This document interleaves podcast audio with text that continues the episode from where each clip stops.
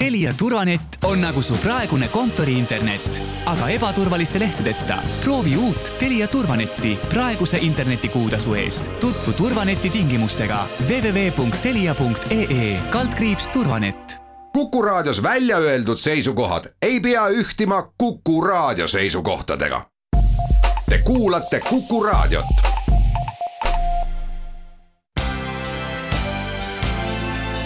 linnatund tere päevast, Linnatund alustab. stuudios on saatejuht Ulla Lents ja ütlen kohe tere meie tänasele esimesele külalisele, kelleks on Tallinna kesklinnavanem Monika Haukanõmm. tere, Monika, tere tulemast Kukusse! tere päevast kõigile ja aitäh kutsumast! no kuidas te tunnete ennast munitsipaalpoliitikuna pärast seda, kui te ikkagi aastaid olite suures poliitikas? ma tunnen ennast väga hästi ja kui lugupeetud saatejuht lubab, siis ma üldse ei nimetaks neid nime, äh, poliitikaid suureks poliitikaks või väikseks poliitikaks. sest äh, ma arvan, et see on väga oluline nähagi erinevaid poliitikatasandeid. et kui Riigikogus oli tõesti tihti tunne, et sa ei näe väga tihti, väga kiiresti seda oma töö tulemust. mis võib olla kohati ka päris frustreeriv, eriti kui sa oled opositsioonis olnud näiteks neli aastat, siis äh, ja kui mõelda nüüd korraks tagasi sinna niinimetatud teie poolt suureks poliitikaks, siis tõesti, ka minul tekkis tunne, et, et mida sa teed seal mäe otsas ja mis, millest, mida sa mõjutad. aga lõpuks saab ikkagi öelda, et vähemalt mõned asjad olid ikkagi olulised teemad, mis said üles tõstetud ja mõned said ka lahendatud, et mille üle ma kindlasti olen uhke, on äh, puuetega laste sotsiaaltoetuste tõstmine, mis äh, tegelikult oli neliteist aastat seisnud ühel, ühel kohal aga kui rääkida nüüd kohaliku omavalitsuse tasandi poliitikast, siis äh, siin on kindlasti see töö palju-palju käegakatsutavam, mis äh, toob sihukesi, võib-olla mitte sellist väga suurt kõiki inimesi puudutavat äh, vau-efekti. küll aga ta toob selle, et sa teed ära midagi väga reaalselt käegakatsutavat ja kesklinna vanemana, et kui sa saad midagi ära teha ja sa tead, et sinu linnaosas elavatel inimestel läheb midagi natukenegi paremaks, alustades kas või sellest, et kuidas saavad sügisel lehed koristatud või sellest, et äh, kuhu tuleb uus mänguväljak, mida me teeme näiteks noorte jaoks, kus nad saavad rulapargi, eks, või me räägime jõuludest, rattateedest, need on nii konkreetsed asjad, mis äh, pakuvad tegelikult rõõmu no on öeldud, et äh, linnaosavanema ja abilinnapeade kohad, vot need on sellised tegutsejate kohad, et äh, seal ei ole väga palju aega nagu teoritiseerimiseks ega ka võib-olla kõrgete mõtete mõtlemiseks, et sa oled äh, põhimõtteliselt kakskümmend neli tundi päevas rakkes, et kuidas see tempo teil istub? Ma olen kogu aeg olnud oma elus ju tegutseja ja, ja, ja erinevaid asju teinud ka natuke paralleelselt, nii et mulle väga meeldib, kui on hästi palju teha ja, ja õhtuks oled parasjagu väsinud. Et et selleks, et sellest, sellega kõigega toime tulla, on muidugi see, et kui sul on tõesti mõnus õhtul koju minna ja, ja kõik on terved, lapsed on terved, saad tegeleda oma huvialadega, minna sõita vahepeal ära maale, hoopis kaugele-kaugele, mina siis Võrumaale, siis need on need kohad, kus sa kindlasti saad la laadida akusid. Aga eks see kesklinna või linnaosa vanema koht on tõesti hästi unikaalne koht või huvitav koht, et ühelt poolt sa oled justkui nagu, ma ei tea, vallavanem, eks ju, sa teed nagu konkreetseid, väga suu-, väga konkreetseid asju, lahendad muresid, kas või see, kui näiteks paar nädalat tagasi Estonia monument ära soditi, et kuidas saab, et sa selle teed kiiresti puhtaks. tegeled selliste küsimustega, aga teisalt tuleb sul tegeleda ja mõelda ka nagu oluliselt ikkagi luu-, suuremaid ja laiemaid mõtteid. et no näiteks toon siin arutelud teemal Tallinn kakskümmend kolmkümmend viis. kuhu me tahame, et kesklinn areneks selleks ajaks, mis on need konkreetsed tegevused? või see, kui Tallinn kandideeris Euroopa roheliseks pealinnaks aastaks kakskümmend kakskümmend kaks, kus me teadupärast jäime Grenoble'i järel teisele kohale. ja nüüd me otsustati uuesti, et me kandideerime uuesti, et ja need annabki seal, need annavad, need on kohad, kus sa saad tegelikult mõelda suurelt ja natuke pikalt ette.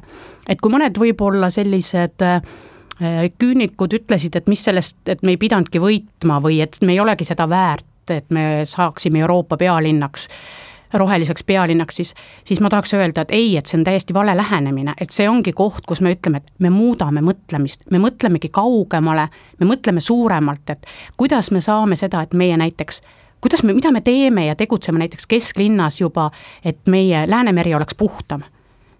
Ma arvan, et väga paljud linnaelanikud nii Tallinnas kui ka teistes linnades, näiteks Sillamäed külastades suvel, olid maha joonistatud, et meri algab siit, kanalisatsioonikaevude juurde.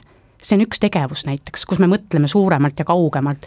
või et me tahame, et meil oleks elurikkus kesklinnas või üldse kes-, Tallinnas, näiteks äh, räägime pestitsiidivabast, me räägime putukaväilast, need ongi need suured mõtted, mida saab mõelda.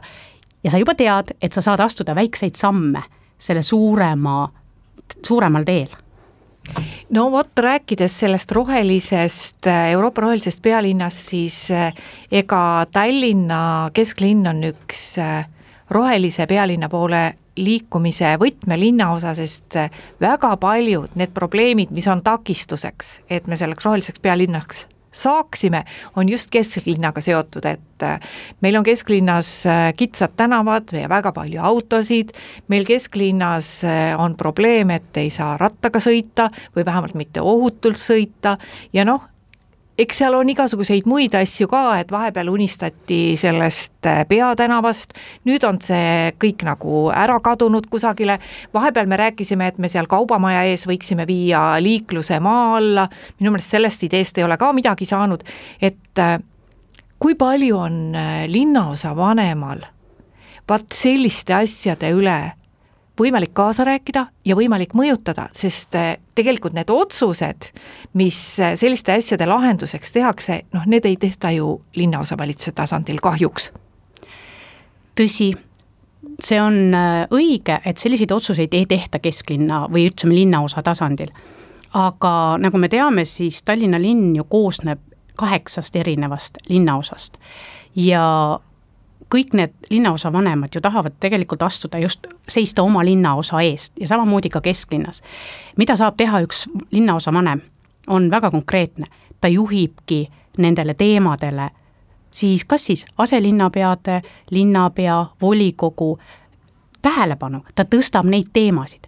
kui me räägime kas või rattateedest, et, et äh, see on nagu küll kokku lepitud, meil on olemas rattastrateegia, kas me viime seda piisavalt kiiresti ellu muidugi me tahame, et kõik asjad läheksid kiiremini, aga linnaosa vanema võimuses on näiteks öelda, et ükskõik millist teeobjekti me teeme, renoveerime või ehitame, siis me ütlemegi, jah, seal peab olema jal-, jalakäijatele eraldiseisev tee, jah, seal peab olema rattatee, mis on rattatee, mitte lihtsalt kergliiklustee.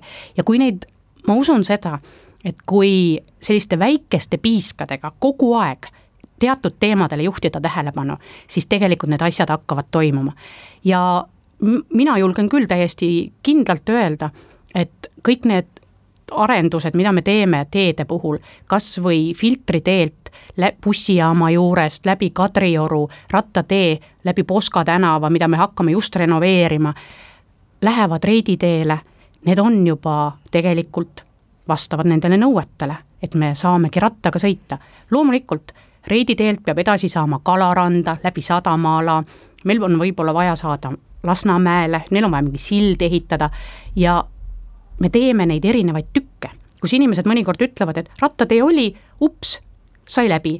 Aga tegelikult siis see ongi selline ka Amsterdami strateegia, me teeme erinevaid, nagu me saame erinevad tükid ära ja me ühendame need kõik kokku. loomulikult me tahaks, et see oleks eile valmis olnud, aga seda eilseks veel ei ole aga loomulikult see, et kesklinnas peaks olema vähem autosid, mitte keegi ei vaidlegi sellele vastu, et äh, tõesti, kesklinn ei peaks olema läbisõidukoridor, kõige kiirem tee ühest linna otsast teise. ja varem või hiljem kesklinna läbimine ei ole kõige kiirem, vaid sa tuled siia sellisel juhul autoga, kui sul väga on vaja, sa kasutad ühistransporti, sellega me oleme ju palju tegelenud, et me teeme ühistranspordiradasid rohkem, näiteks Pirita tee, et buss oleks kiirem võib-olla kui autoga sõita, et need oleksid äh, tõesti näiteks kas või uutel gaasi, uued gaasibussid ja nii edasi, et me tegelikult astume iga selle sammuga ka sinna rohelise pealinna poole, kuigi me võib-olla tihtipeale ei oska neid asju seostada. ja ma arvan, et, et kui poliitika muutub mitmekesisemaks, et meil ongi erinevaid inimesi, kes on erineva taustaga Äh, erineva kogemusega, nagu minu puhul näiteks tõesti riigi tasandilt, kohaliku omavalitsuse tasand, aga samamoodi on mul ka ju koha, mittetulundusühingu tasandi taust. et see mitmekesistabki poliitikaid. tegelikult võikski olla poliitikas rohkem neid erinevaid inimesi, mitte eluaegsed poliitikud, vaid kes vahepeal tulevad ja teevadki ära. meil võiks olla poliitikas palju rohkem naisi, siis ma usun ka, et see poliitika ongi tasakaalustatum me teeme oma jutuajamisse väikese pausi ja läheme kohe edasi linnatund. linnatund läheb edasi, stuudios on Tallinna kesklinnavanem Monika Haukanõmm. no jõulud on tulemas, mis selle jõuluturuga siis nüüd juhtus, et see ära jäi ja, ja te peate nüüd kibekiirelt ilmselt midagi sinna asemele leidma, et kuidas sellega on? jaa, tõesti selline mulje on jäänud, et justkui jõulud Tallinnasse ei tulegi tulevad jõulud, eh, tuleb jõuluturg, tuleb eh, loomulikult imelised jõulud vanalinnas, erinevates linnaosades. aga mis juhtus, eks, eh, eks me kõik oleme sellest kevadest ja nüüd praegu toimuvast, mis puudutab koroonaviiruse levikut, kõik natuke ära hirmutatud. ja, ja me keegi ju ei tea täpselt, mis toimub ja mida me saame teha. Et meie kesklinna valitsuses ja laiemalt terves linnas tegutseme ikkagi selle nimel, me teeme kõiki ettevalmistusi selleks, et tegelikult jõulud tulevad. tuleb jõulukuusk, mis juba üheksateistkümnendal hakkab liikuma Raekoja platsi poole, meil tuleb jõuluturg, meil tuleb väga imelisi jõuluinstallatsioone üle terve kesklinna, mitte ainult Rae-, vanalinnas, meil on Kadrioru park, meie head ettevõtjad vanalinnas tulevad kaasa meiega erinevate, kutsuvad oma inimesi ja ka külalisi erinevatele maitserännakutele. meil on kirikud, kes teevad programme, meil on muuseumitel, kellel on tohutult palju erinevaid ekskursioone, erinevaid käsid ja tubasid. jah, see jõul on teistsugune kui eelnevatel aastatel, aga mina küll ei, kohe kindlasti ei saa öelda, et see on nagu kurvem või natukene nukram jõul, ta on teistmoodi, ta on hajutatud, jah, ei ole ühte kohta, kuhu me ootame kümmet tuhandet inimest. täna me seda teha ei saa aga me saame teha palju väikeseid jõulupesasid, luua meeleolu, kutsuda inimesi äh, peredega nautima pisikesi väikeseid asju. et äh, ma arvan, et seda üllatusmomente ja põhjust tulla kesklinna, vanalinna on rohkem kui kunagi varem. No kesklinna toitlustusärid on väga mures, sulgevad üksteise järel mm -hmm. uksi, turiste ei ole, turiste ka ei tule, vähemalt selle aastavahetuse paiku ilmselt mitte ma mäletan, et aastaid on hoiatatud selle eest, et kesklinn ei muutuks või vanalinn ei muutuks ainult turistimekaks. et me ei tohiks oma tallinlaste igapäevast elu vanalinnast välja viia. paraku oleme me seda teinud, see ongi tagajärg, et me aastaid elasime tingimustes, kus me keskendusime ainult turistile, kas me peame sellest nüüd õppima, isegi siis, kui elu korda saab? Ma arvan, et me juba olemegi õppinud sellest. Ja tõesti, mida rohkem muutusid piirid avatumaks, mida odavamaks läksid lennupiletid, mida rohkem inimesed harjusid liikuma, siis oli see ju väga loogiline, et vanalinn on meie pärl, Tallinna pärl, kuhu tulevad kõik turistid, kes Eestis või Tallinnasse, meie pealinna saabuvad. aga, ja see oli selline ilmselt nõudlus selle järgi ja, ja ka loomulikult ettevõtjad ju keskenduvad sellele, mis on parasjagu nõudlus turul. Aga me oleme sellest õppinud ja ma olen selles täiesti veendunud, et tegelikult eelmisel nädalal äh, just vanalinnas tegutsevate ettevõtjate endi initsiatiivil, mitte ei tulnud ütlema siin kesklinn ega linn, keegi teine, et nad said ise aru, et nad peavad muutma väga selgelt poliitikat kuidas nad äri ajavad. kas või see, et millised on hinnatase, kuidas me kõnetame kohalikku elanikku ja nad mõtlevad ja nad muretsevad selle pärast väga-väga ja nad saavad aru, et nad peavad muutuma. ja tänu sellele eelmisel nädalal toimuski äh, ühe mittetulundusühingu loomine vanalinnas, need on vanalinna ettevõtjate ühing kes ongi seadnud endale eesmärgiks koondada erinevaid ettevõtjaid, ükskõik mis alal, kes tegutsevad selles piirkonnas, kesklinnas laiemalt ja kuidas luua vanalinna erinevaid alasid või sektoreid, kus me saame öelda, et siin tegutsevad näiteks käsitöölised ja me ütlemegi tulevikus, et siia me ootame selliseid ettevõtteid, kes mahutuvad sellesse pilti. meil on, ja et need restoranid, käsitöökojad, et need on tegelikult meie inimestele, me ootame oma inimesi ja kui, ja seda saavadki tegelikult teha ju ettevõtjad. et äh, meil ei ole ju see, et ülevalt ütleb riik või linn, et teie peate muutuma. ei, see muutus tuleb alles siis, kui see tuleb tegelikult altpoolt.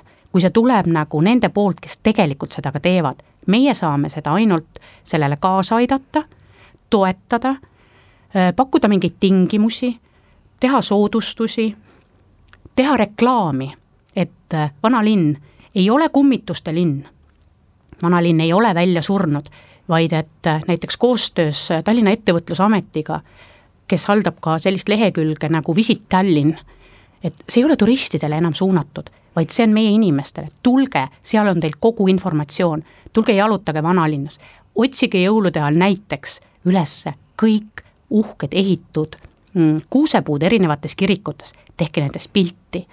Või, või tulge näiteks otsige üles mõned kõige uhkemalt kaunistatud ettevõtet, ettevõtte aken või uks, et neid tegelikult see, et me muutuks vanalinn ja et ta ei oleks enam see, me ei loeks ajalehtedest või ei kuuleks ainult seda, kuidas on vanalinn sureb välja, et äh, see on tegelikult iga ettevõtja enda kätes.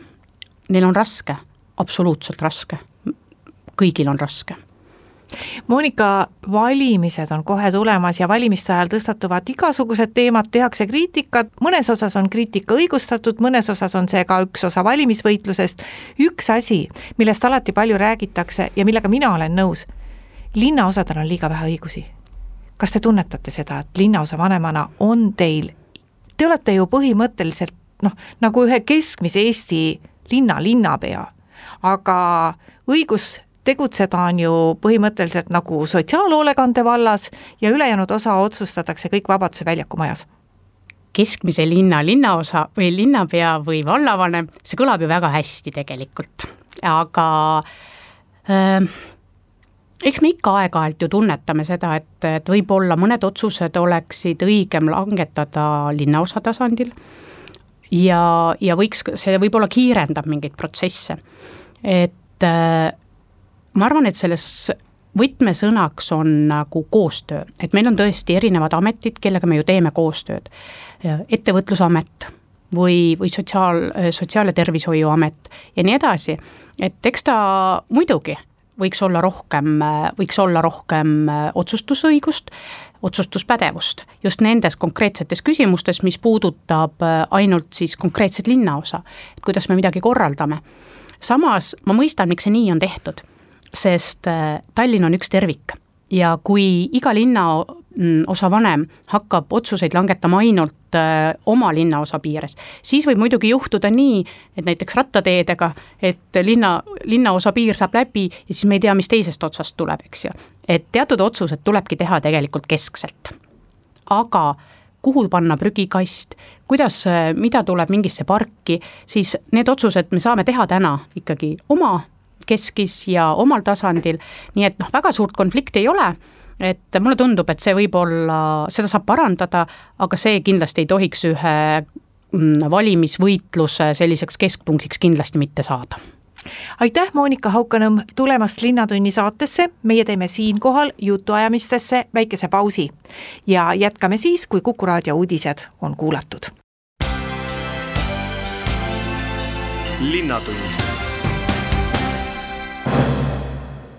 just täpselt täna tähistatakse Nõmmel linnaõiguste üheksakümne neljandat aastapäeva. tere päevast, Nõmme linnaosa vanem Grete Schillis! no kuidas te täna tähistate seda? No sel aastal tulevad paljud asjad teisiti ja nii ka tegelikult äh, linnaõiguste päevaga seonduvaid üritusi toimub äh, sel korral rohkem ja just seda seetõttu, et meie eesmärgiks on siis üritustel tagada inimeste hajutatus, aga samas me ei soovi, et keegi jääks olulisel tähtpäeval üritusest osa saamata. Ja nii tegelikult me juba ootamegi kell kaksteist kõiki päästekomando peatrepi ette, et kuulata üheskoos uue hoone tornist kõlavat siis muusikapala Ärgakeni vahid hüüdvat, mida siis esitame pidupäeva puhul täispikkuses. et äh, paljudele nõmmekatele on see kindlasti teada, aga raadiokuulajatele ka, et tegu on siis äh, Nõmme rajaja Nikolai von Kleeni lemmikpalaga ja, ja nüüd äh, täna me selle traditsiooni siis ka taaselustame Nõmmel koos Nõmme Rotary klubi ja päästekomandoga. aga pidupäev jätkub ka edasi peale päästekomandot. nimelt siis toimub ka traditsiooniliselt äh, kontsertaktus Nõmme kultuurikeskuses ja selleks, et ta tagada hajutatus ruumis toimub kontsertaktuseid kaks, äh, üks siis algusega kell kolm ja teine kell kuus ja kõikidel siis üritustel on osavõtt tasuta, aga just Nõmme kultuurikeskuses toimuvatel kontserditel palun kõigil siis võtta linnaosavalitsusega veel ühendust, et äh, tagada siis e-registreerimine, et äh, kontserdid äh, on meil hajutatult korraldatud, osalejate oleks seal kohapeal ja kõigil osalejatel on siis kohustus ka kanda maski. maskid on siis külastajatele linnaosa valitsuse poolt ka tagatud. ja tunnustusauhinnad antakse ka üle? Jaa, nagu ikka traditsiooniliselt anname üle ka linnaõiguste päeval tunnustusauhinna, sel korral siis anname selle üle juba kümnendat korda ja see üleandmine toimub siis õhtul kella kuuese kontserdi ajal. et äh, tunnustusauhind, äh, auhinnaks on siis meeldetuletuseks äh, skulptor Seaküla Simsoni poolt loodud siis Nõmme rajaja kuju vähendatud koopia ja ja hea meel on selle üle, et vaatamata, et aasta on olnud äh, selline keeruline, siis äh, tunnustust äh, jagub meil ka sel aastal. Nõmme linnaõiguste taastamisest ikkagi teinekord räägitakse, eriti tuleb see uuesti jutuks alati valimiste eel. ma ei tea, kas eh, nende kohalike omavalitsuste valimiste eel tuleb keegi välja, kes kandideerib ka, et noh, et kui te valite mind, siis Nõmme saab juba uuesti linnaks, aga no ilmselt päriselt seda ambitsiooni, et Nõmme oleks nüüd omaette linn ja Tallinnast eralduks, et seda vist ikka ei ole no see oleks olnud päris pretsedent, kui seda küsimust ei oleks mulle esitatud, et eks see küsimus ikka ja jälle siin üles tõstatub ähm, nii enne valimisi kui ka valimiste vahelisel perioodil. ma arvan, et tegelikult kõige olulisem on ju tegelikult see, et me oleme kasvanud Nõmmel hästi toimivaks üksuseks. meil on siin kultuuri, tohutult võimalusi sportimiseks, meie lapsed käivad toredates lasteaedades ja koolides, meil on säilinud aedlinlikkus ning omapära. Ja minu meelest, mis peamine, me oleme kahtlemata Tallinna kõige rohelisem linnaosa et see Nõmme tunnetus on äh, nii ehk teisiti olemas, et seal on inimestel väga tugev selline oma kogukonna tunne ja noh, ega võib-olla ei olegi tähtis, et kes seal siis nüüd ühistransporti korraldab või, või tänavaid ehitab? jah, äh, tõepoolest, et äh, eks on ju, ei ole ju kogukond lihtsalt mingi koostoimimise vorm, et see on tegelikult midagi, mida on vaja pidevalt kinnistada ning ka juurde luua, et äh, ja ma arvan, et kui me räägime nüüd sellest kogukonnatundest, siis Nõmmel kahtlemata just tänu aktiivsetele ja pikaajalistele asumiseltsidele on tunda seda piirkondlikku kogukonnatunnet.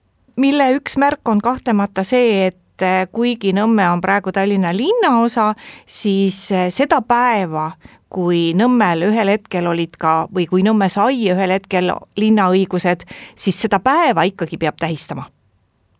jaa, traditsioonid austamine on meil alati au sees, mitte ainult ju Nõmme linnaõiguste andmise aastapäev, aga ka Nõmme lipu- ja vapipäev ja teised äh, meile olulised äh, tähtpäevad. tegelikult ka järgmisest aastast juba etteruttavalt rääkides, siis ühelt poolt me tähistame ju Nõmme linnaõiguste andmise aastapäeva juba üheksakümne viiendat, siis teisalt täitub ju Nõmme rajajal Nikolai von Glenil saja kaheksakümnes sünniaastapäev. Te nimetasite, et see aasta oli raske aasta, no see aasta oli kõigile raske aasta, sest see aasta oli nii ettearvamatu ja me ju keegi ei kujutanud ette, et me seisame silmitsi selliste probleemidega, nagu kogu kahe tuhande kahekümnenda aasta vältel seistud on. hakkame vaikselt harjuma, ometi ei tähenda see seda, et me ei ootaks, et see kõik jälle ära lõpeb ja et normaalne elu taastub. kui hästi teie linnaosas on selle väljakutsega hakkama saadud? ma arvan, et meie oleme kenasti hakkama saanud. Nõmme linnaosa on selles mõttes lisaks sellele, et meil on, et me oleme linnast välja kasvanud, on tegelikult Nõmme linnaosa üheks allasutuseks ka hooldekodu. ja kevadise koroona ajal, kui väga paljudes hooldekodudes oli koroona sees, siis meil õnnestus kõik oma hoolealused hoida nakatumisest ja, ja täita seal need ettevaatusabinõud, et äh, minu meelest Nõmme kogukond on siin väga hästi eeskujulikult äh, käitunud, et on mõistmine, et viirused levivad inimeselt inimestele. Ja kui me oma käitumist ei muuda, ennetusmeetmeid ei kasuta, siis jäävad haigeks teised inimesed, et äh, Nõmmel äh, kõik tegevused, mis äh, suvest taastati ja mis nüüd sügisel on toiminud, enamik, suur osa enamik inimesi kannavad ikkagi äh, kas korduvkasutatavaid maske või ühekordseid maske, olgu see ühistranspordis liikudes, ruumi, ruume külastades või kaubanduskeskustest, et just seeläbi eeskujude loomisega me toome seda ka oma järeltulevatele põlvedele, kes saavad aru, et see haigus levib meie seas ja kui me ise neid ennetusmeetmeid äh, ei rakenda, siis jäävad haigeks äh, meie sõbrad, meie lähedased, meie kolleegid kui palju kasvatas see koroonaviirus abivajajate arvu?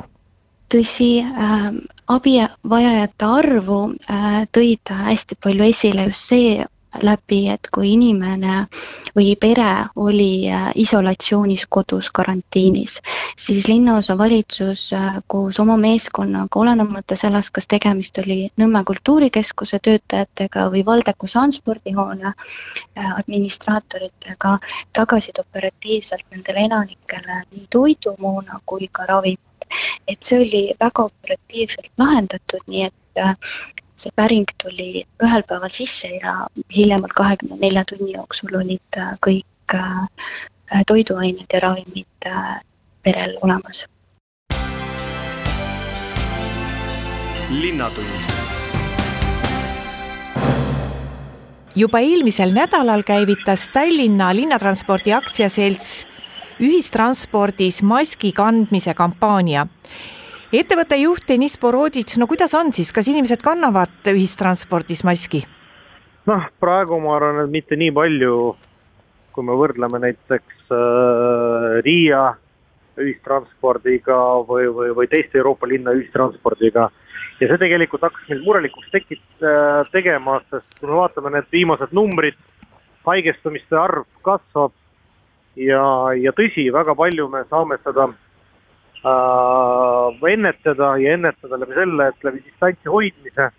aga samas ühistranspordis, eriti tipptunni ajal distantsi hoida on nagu praktiliselt võimatu. ja siis nagu ainuke asi, mis me saame teha enda kaitseks ja teiste kaitseks, on siis sama mask ette panna. me ei ole riigiasutus, me ei saa seda teha kohustuslik, aga meie kui ettevõte võib-olla üks kohustus on see, et informeerida, et sõbrad, väga palju ennetamiseks saame teha meie ise, olgu see hügieeninõuded või maski kandmine. no eks selle maskiga ju ongi niiviisi, et äh, inimesed kannavad teda korralikult siis, kui nad on ise veendunud, et see on vajalik, et kui seda tehakse nüüd teiste pärast, siis tõenäoliselt ei mõelda ka sellele, kuidas seda maski kanda. et äh, kui võrrelda nüüd äh, selle kevadise eriti hullu ajaga, kui meil kogu ühiskond suletud oli, siis sõitjaid ilmselt oli ühistranspordis ka vähem, aga maski kanti rohkem. ja ma arvan, võib ka selliselt öelda, et äh, aga samas me kõik tajume, et äh, me ei taha väga neid piiranguid oma ellu, me ei taha, et riik paneks jällegi eriolukorra ajal meie elu seisma. me tahame, et meie elu jätkaks sama viisi, nagu ta praegu. aga see, et selleks, see oleks võimalik, tuleb natukene tõesti äh, kaasa aidata. ja, ja tõsi, kui tuleb eriolukord ja pannakse asutused lukku, siis inimeste hulk ühistranspordis väheneb ja võib-olla see probleem laheneb iseenesest. aga kas see on see, mida me tahame, kas see on see elu, mida me tahame elada? Või parem on natukene mõelda selle peale praegu, ennetada ja siis äh, ma arvan, olukord äh, läheb iseenesest paremaks läbi selle no kui, kui rahvarohke ühistranspordis ikkagi on, ilmselt kõik needsamad tipptunni rahvarohkuse hetked on praegu olemas nii, nagu nad siis olid ka, kui meil koroonaviirust ei olnud, et, et osad liinid on ikkagi üsna täis. Ja noh, praegu ühistransport toimub tavarežiimis ja, ja elu meil üldiselt käib tavarežiimis, et, et see tähendabki seda, et tipptunni ajal on ühistransport rahvarohke. Ja, ja kindlasti, et väga paljudes liinides tipptunni ajal ei ole võimalik sotsiaalset distantsi hoida. jah, me oleme eraldanud oma juhte sotsiaaltsooniga, et tagada tema tervist ja, ja sotsiaaldistantsi ühistranspordijuhtidega sest kui meil need äh, juhid jäävad haigeks, siis meil ei ole inimesi, kes siis äh, teeksid reisijate veoga. küll aga me ei suuda seda tagada äh, reisijatel ja, ja nagu ma ütlesingi, just tipptunni ajal. aga siin, siin ongi meil üleskutse sõitjatele, reisijatele, et see on see osa, mida iga inimene saab teha nii endale kui ka teistele kaasreisijatele ise no kui palju te peate neid busse pesema, desinfitseerima, kui tihti, et eh, kui palju lisatööd see toob? no üldiselt, et eh, see on meie tavarežiim ja, ja meil kogu ühistransport pestakse nii seest kui väljast äh, igapäevaselt. aga tõesti, et äh, kevadel me viisime sisse ka täiendavad äh, desinfitseerimised ühistranspordi sees et kõik need äh, pinnad, millega inimene kokku puutub, et, seda nagu täiendavalt üle käia. ja seda me teeme mitu korda nagu päeva jooksul ka täiendavalt, nii et, et selles mõttes, et me teeme kõik endast olenevalt. aga nüüd me tahame, et, et reisijad oleks ka ja, ja koos me suudame seda olukorda paremaks teha nimetasid juba, et bussijuhid on hästi kaitstud praegu, et pileteid nad ju nagunii enam müüma ei pea, et selles mõttes, et sellist otsest kontakti reisijaga bussijuhil ei peaks üldse olema jah, see kontakt on viidud miinimumini, et äh, juht on eraldatud spetsiaalse tsooniga äh,. esiuks on kinni äh,, piletid ei müü ka, ei müü, seega tõesti, et kontakt on viidud miinimumini. muidugi äh, tööalaselt me saame öelda, et ta on äh, noh, kaitstud niipea kui võimalik, aga, aga muidugi me ei tea ju, mida inimene teeb oma vabal ajal, et äh, rääkida, et sada protsenti inimene on kaitstud, et noh, seda ma arvan, et ei julge keegi öelda aga tõsi, vähemalt praegused numbrid ja ka kevadel need numbrid näitasid, et meil haigestumise protsent või osakaault äh, töötajaskonnast oli täpselt samasugune nagu iga-aastaselt. nii et võidad või, et tegelikult, et see tähendabki, et need meetmed, mis me oleme rakendanud oma ettevõtte sees, äh, töötavad ja, ja töötajate, haigestunud töötajate arv ei ole nagu ületanud teatud piire, millega oleks tõesti teenuse osutamine seatud küsimärgi alla nojah, teil on ju tegelikult suur ettevõte ja, ja tõepoolest, et kui äh, bussijuhte mingisugune osa peaks nüüd koju jääma või karantiini jääma, siis see annab ju koheselt äh, tunda või kui suur see reserv teil on? no ega keegi ei hoia inimreservi, see on kallis pidada, sest lõppkokkuvõttes maksumaksja maksab selle kinni, et äh, aga tõsi küll, kui meil on umbes tuhat kolmsada viiskümmend ühistranspordijuhti tööl, kellest äh, umbes kaheksasada läheb igapäevaselt tööle. nii et äh, selles mõttes, et reservi väga ei ole. ja tegelikult võetakse inimesi tööle mitte reservi tegemiseks, vaid ikkagi see, et, et saaks maksimaalselt efektiivselt ühte-teist liini äh, ära teenindada. Äh, jah, meil väiksed võib-olla on reservid, natukene saavad inimesed ka oma vahest ajast appi tulla, aga see ei ole kummist ja, ja kui see protsent läheb väga suureks, haigestunute protsent, siis ma arvan, et jah, võib löögi alla sattuda see ühistranspordi maht, mida me täna teenindame. no kevadel oli kõva diskussioon selle üle, et äh, mõnes kohas äh, ühistranspordi graafikuid hõrendati siis, kui inimesed tööle ei käinud, äh, ma tean, et sina olid hästi seda meelt, et tegelikult bussid peavad käima tavagraafikus, sest niipea kui hõrendada, niipea kohe need rahvarohked ja pungil inimesi täis bussid, et need saavad kohe tavapäraseks, et äh, ma ei tea, kui õige otsus see oli ja takkajärgi, et kui palju selline suhteliselt hõre sõitmine ettevõtte kasumlikkust vähendas? Äh, ma ütleks niimoodi, ega need otsused, mis me tegime, oli tehtud ka vaadates nagu teiste linnade ja riikide praktikat, et äh, seal, kus hõredati oluliselt graafikuid, see suurendas oluliselt, et äh, inimeste kontsentratsioon, kontsentratsiooni ühistranspordis mis nagu kindlasti ei olnud väga äh, turvaline ja seadis inimeste ellu võib-olla suuremale riskile. aga me teadsime, et väga paljud inimesed siiski vaatamata eriolukorrale äh, käis tööl, olgu need äh, arstid, politseinikud või muud äh, erialaspetsialistid, kes ei saanud kodukontoris töötada. ja, ja, ja mina arvan, et see on igati õigustas ennast tänu sellele, vähemalt ametlikult, et äh, meie ühistranspordis ei ole ükski niimoodi aktiivne juhtum olnud viiruse leviku mõttes ja samuti meil põhimõtteliselt suutsime kaitsta ka oma töötajaid, nii et ja praegu me teeme täpselt samamoodi, et jälgime olukorda, kui me näeme, et kuskil on, läheb liiga kriitiliseks, siis me, meil on teatud reservi võib-olla mängida oma veeremiga, natukene võib-olla äh, saata rohkem busse kui suuremaid busse ja tõesti, kui seal me näe-, teatud liinil me näeme, et võib-olla nõudlus on hõredam ja selle vähendamine ei too kaasa ülerahvastamist, siis me saame need korrektuure graafikutes ära teha. no Tallinnas ühistranspordis viimase aja üks suur muudatus on ka see, mis ei ole nüüd otseselt seotud selle koroonaviirusega, aga suur muutus on see, et paberpileteid enam ei ole, et äh, kui palju see on tekitanud segadust, kas üldse on? no paljudel inimestel äh, vaevalt, sest meil Tallinna inimestel ühistranspordi sõitmine on tasuta pigem äh, noh, pileti ostavad ju kas väliskülalised või külalised teistest linnadest. väliskülastajate arvu, nagu te teate, arv on tähendab oluliselt vähenenud, kuna see äh, turismisektor ei ole päris sellisel tasemel, nagu ta on varasemalt olnud. nii et aga, aga meil on informatsioon äh, igal pool esitatud, piletid on võimalik osta lennujaamas, sadamas, äh, teatud piletimüügipunktides. Ja samuti seda on võimalik teha oma nutiseadmega selles samas bussis, trammis või trollis või siis makstes pangakaardiga äh, validaatori juures. nii et ma arvan, et võimalusi on palju, tegelikult, et me teame ju, et äh, paberipileti müügi osakaal on võrreldes muu äh,, muude viisidega marginaalne nii et selles mõttes, et, et ma arvan, et suuri muudatusi see ei too ja ebamugavusi ja tegelikult inimene harjub kiiresti ära. sest me kõik enamasti maksame ka poes juba pangakaartidega ja sularaha hulk aina väheneb viimasel ajal. ja ongi linnatunni jutud tänaseks räägitud. saatejuht ütleb kuulajatele ka aitäh kuulamise eest ja järgmine Linnatund on eetris nädala pärast. Kuulmiseni. linnatund